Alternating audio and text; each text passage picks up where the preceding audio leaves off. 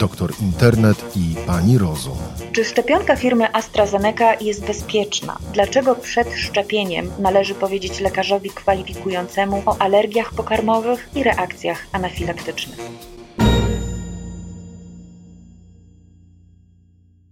Czy szczepionka firmy AstraZeneca jest bezpieczna? Pytamy doktora Grzegorza Cesaka, prezesa Urzędu Rejestracji Produktów Leczniczych, Wyrobów Medycznych i Produktów Biobójczych. Dzień dobry, panie prezesie. Dzień dobry. Jak to jest z tą szczepionką? E, są wobec niej jest wobec niej bardzo dużo wątpliwości e, po informacjach o tym, że może powodować epizody zatorowo-zakrzepowe. Bardzo wiele osób e, próbuje zamienić swoją szczepionkę firmy AstraZeneca na szczepionkę na przykład Pfizera. Czy mają rację? Pani redaktor, szanowni państwo, przede wszystkim trzeba pamiętać, że dopuszczenie do obrotu produktu leczniczego, którym jest szczepionka przez Europejską Agencję Leków, było na podstawie przeprowadzonych badań klinicznych, w której wykazano bezpieczeństwo, profil bezpieczeństwa był pozytywny i określona e, skuteczność produktu leczniczego, no i wykazana właściwa jakość leku. Więc pod tym względem e, produkt leczniczy jest e, jak najbardziej skuteczny, jak najbardziej bezpieczny. Aczkolwiek w życiu produktu leczniczego zawsze mogą się pojawiać różne działania niepożądane, które w trybie badań klinicznych były także badane. Każdy nowy, e, każde nowe działanie niepożądane jest tak zwanym sygnałem. Sygnał jest analizowany dodatkowo przez Europejskie, Europejską Agencję Leków. Na tym etapie EMA czyli Europejska Agencja Leków, podtrzymuje swoje stanowisko, że korzyści wynikające z zastosowania, zastosowania szczepionki e, przewyższa ryzyko wystąpienia działań niepożądanych, jeżeli możemy ten związek przyczynowo-skutkowy udowodnić, a on jeszcze dzisiaj nie jest potwierdzony. Czyli w skrócie, profil bezpieczeństwa szczepionki nie uległ zmianie, jest pozytywny. A co z tymi epizodami zatorowo-zakrzepowymi? Tak, e, Europejska Agencja Leków e, od zeszłego tygodnia, to jest od 10 e, marca, kontynuuje ocenę tych przypadków ewentualnych działań niepożądanych szczepionki. W dniu wczorajszym Europejska Agencja Leków rozpoczęła dalszą analizę wszelkich dostępnych danych, w tym zakrzepicy z niecharakterystyczną obniżoną liczbą płytek a na tym nadzwyczajnym posiedzeniu w czwartek, 18 marca, e, zakończy przegląd danych i wszystkich doniesień ze wszystkich krajów Unii Europejskiej, także z Polski. I będziemy mieli e, jakby sformułowanie zaleceń e, i dalszych kroków postępowania. Czy osoby, które się teraz boją, że po podaniu szczepionki AstraZeneca dostaną na przykład epizodu zatorowego, boją się, że dostaną udaru. Sama mam taką znajomą, która do mnie zadzwoniła, spanikowana, osoba starsza, zapytała, jak może sobie zamienić datę i szczepionkę. Czy one mają prawo się obawiać? No proszę pamiętać, że e, nie ma jeszcze tego związku przyczynowo-skutkowego i jest ta korelacja e, czasowa, ale nie ma związku przyczynowo-skutkowego. W szczególności pamiętajmy, że te epizody zatorowo-zakrzepowe pojawiały się przy Pfizerze i przy Modernie w większej ilości.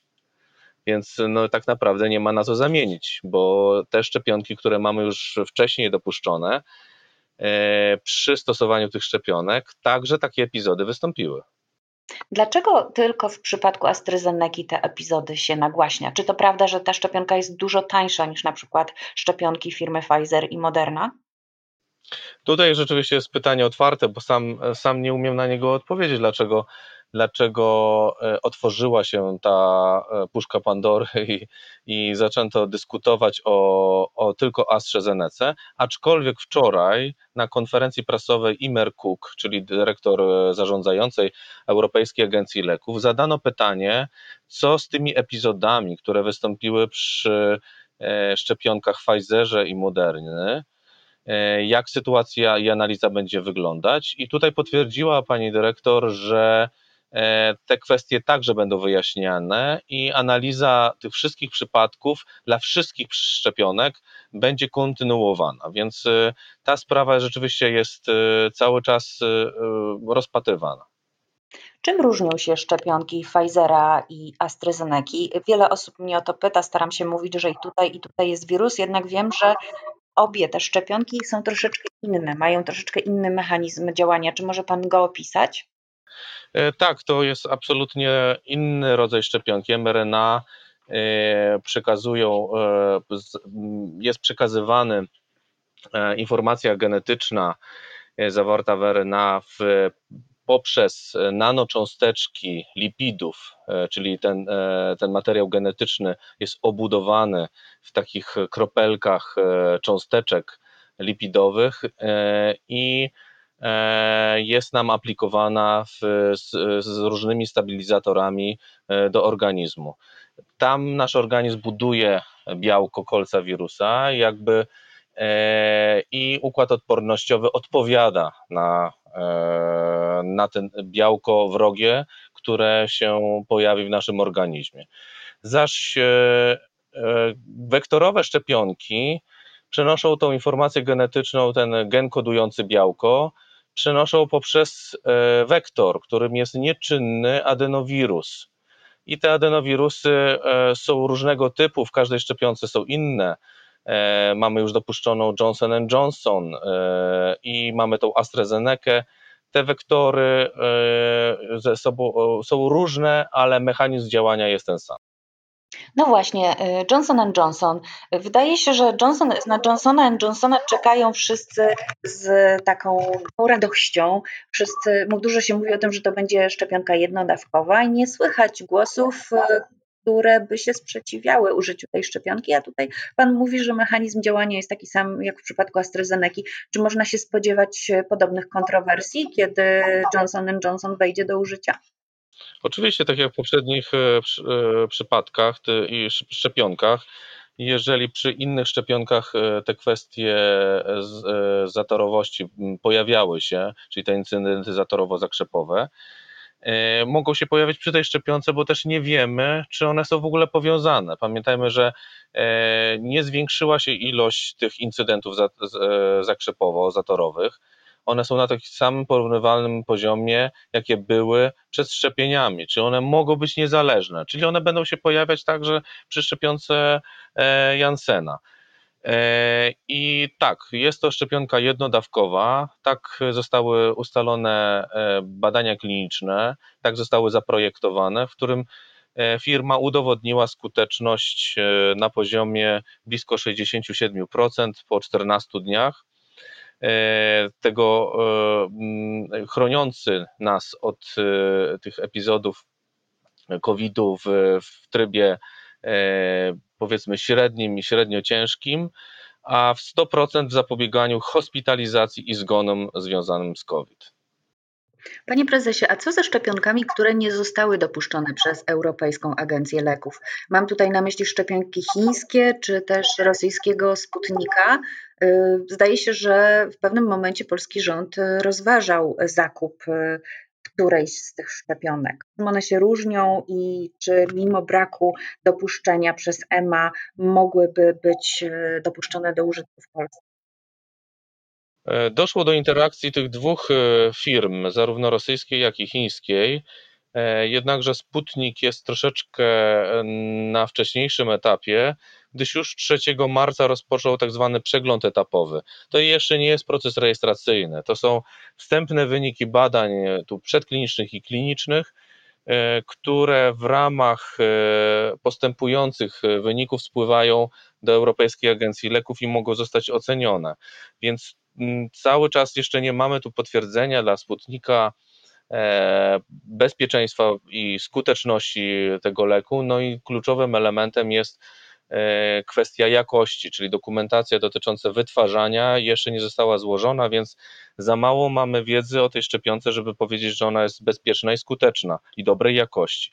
Więc proces trwa. E, to jest szczepionka wektorowa, E, i składa się z dwóch składników podawanych w dwóch dawkach. E, to jest ciekawa szczepionka, bo e, może ona być, ona jest troszeczkę konstrukcją sformułowana tak, jak była szczepionka przeciw chorobie wywołanej przez wirus Ebola. czyli są zastosowane dwa różne wektory wirusowe, zaliczane właśnie do grupy adenowirusów, czyli jakby mamy dwie różne szczepionki. W, w jednej jest inny adenowirus, a w drugiej jest inny. AD chyba 26 i AD 5, z czego pamiętam. Więc to są dwa, dwa inne adenowirusy, które no, trzeba będzie tę szczepionkę troszeczkę też i wnikliwie, wnikliwie ocenić. Zaś chińska szczepionka jest jeszcze przed rozpoczęciem tego przyglądu etapowego, tego nowego narzędzia, które Europejska Agencja Leków e, wymyśliła na potrzeby pandemii, e, żeby skrócić proces. I tutaj jest to e, szczepionka, to jest klasyczna, zawierająca fragmenty zabitego wirusa. Szczepionka nie zawiera konserwantów, e, ale posiada ten adiuwant, czyli ta, mm, ten, tą substancję przyspieszającą odpowiedź immunologiczną, e, którym jest wodorotlenek glinu. Więc jest to bardzo tradycyjna szczepionka, E, i ona mm, rzeczywiście rozpocznie swój proces w niedługiej przyszłości w Europejskiej Agencji Leków. Mówił Pan o adiuwantach, o, o, różnych substancjach, które mimo wszystko się dodaje do szczepionek.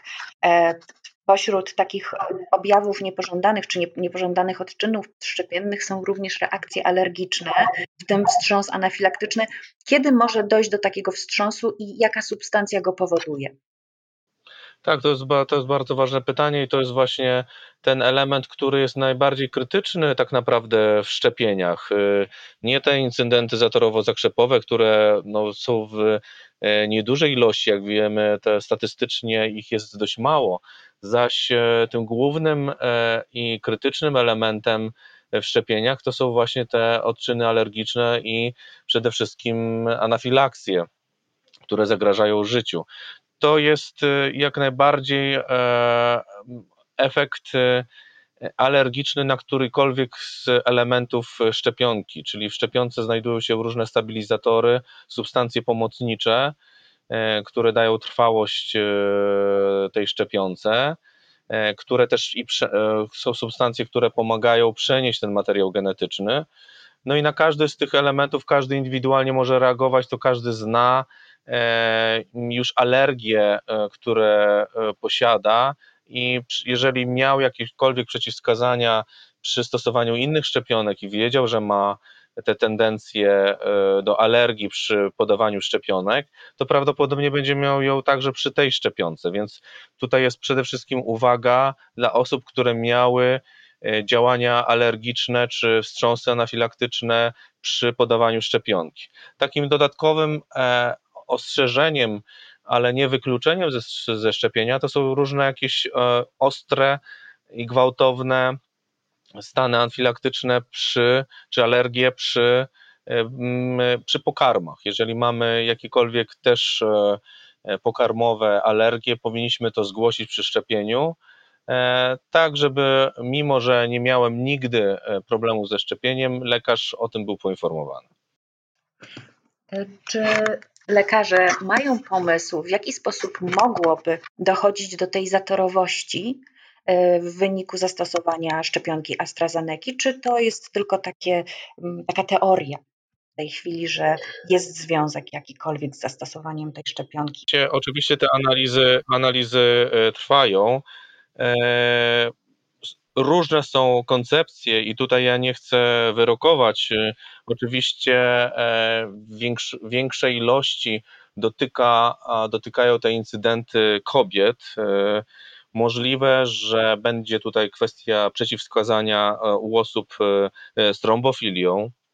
Możliwe, że skutkiem tych przyczyn zatorowo-zakrzepowych jest podawanie innych leków, które Yy, mogą być podawane danym osobom, które nie są związane z podaniem szczepionki.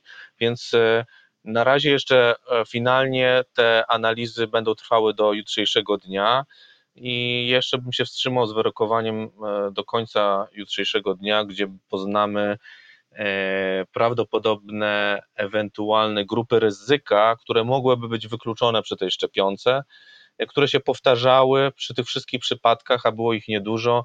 Wiemy, że na 10 e, marca było ich e, około 30, może teraz jest ich troszeczkę więcej, na 5 milionów szczepionych osób, więc są to nieduże, nie, niedużo tych przypadków się pojawiło dla tej serii firmy AstraZeneca. To ostatnie pytanie dotyczące właśnie kwalifikacji do szczepień. Powiedział Pan, że jeśli ktoś ma alergię pokarmową, to powinien o tym powiedzieć przed szczepieniem. Teraz jest projekt, który zakłada, że kwalifikować do szczepień będą nie tylko lekarze, ale też inni pracownicy medyczni, farmaceuci, diagności laboratoryjni, pielęgniarki, ratownicy medyczni. Czy to słuszne? Bo samorząd lekarski spodziewa, sprzeciwia się bardzo takiemu rozwiązaniu. No przede wszystkim to muszą być wykwalifikowany personel, który przeszedł szkolenie, bardzo jest istotna też, e, e, bardzo istotny jest ten wywiad przed, przed samym szczepieniem, czyli zmierzenie temperatury, ciśnienia, no przede wszystkim tych wszystkich tych elementów, które są kluczowe, jeżeli mamy jakikolwiek E, infekcje, no to musimy być e, absolutnie wykluczeni z, z takiego szczepienia i to jest przeciwwskazaniem, które jest określone w charakterystyce, czyli wysoka gorączka i, i infekcja e, mm, dyskwalifikują osobę do szczepienia. To musi być wszystko wyeliminowane właśnie przed szczepieniem, no i kwestie przede wszystkim alergii, tak, czyli musi być ten zestaw antywstrząsowy przygotowany, Czyli dlatego jest to, e, musi być to w e, miejscach w takich, w którym no, jesteśmy przygotowani na taką ewentualność. Dziękuję panie prezesie, a moim gościem był doktor nauk medycznych Grzegorz Cesak, farmaceuta, prezes Urzędu Rejestracji Produktów Leczniczych, Wyrobów Medycznych i Produktów Biobójczych, członek Rady Zarządzającej Europejskiej Agencji Leków EMA. Dziękuję.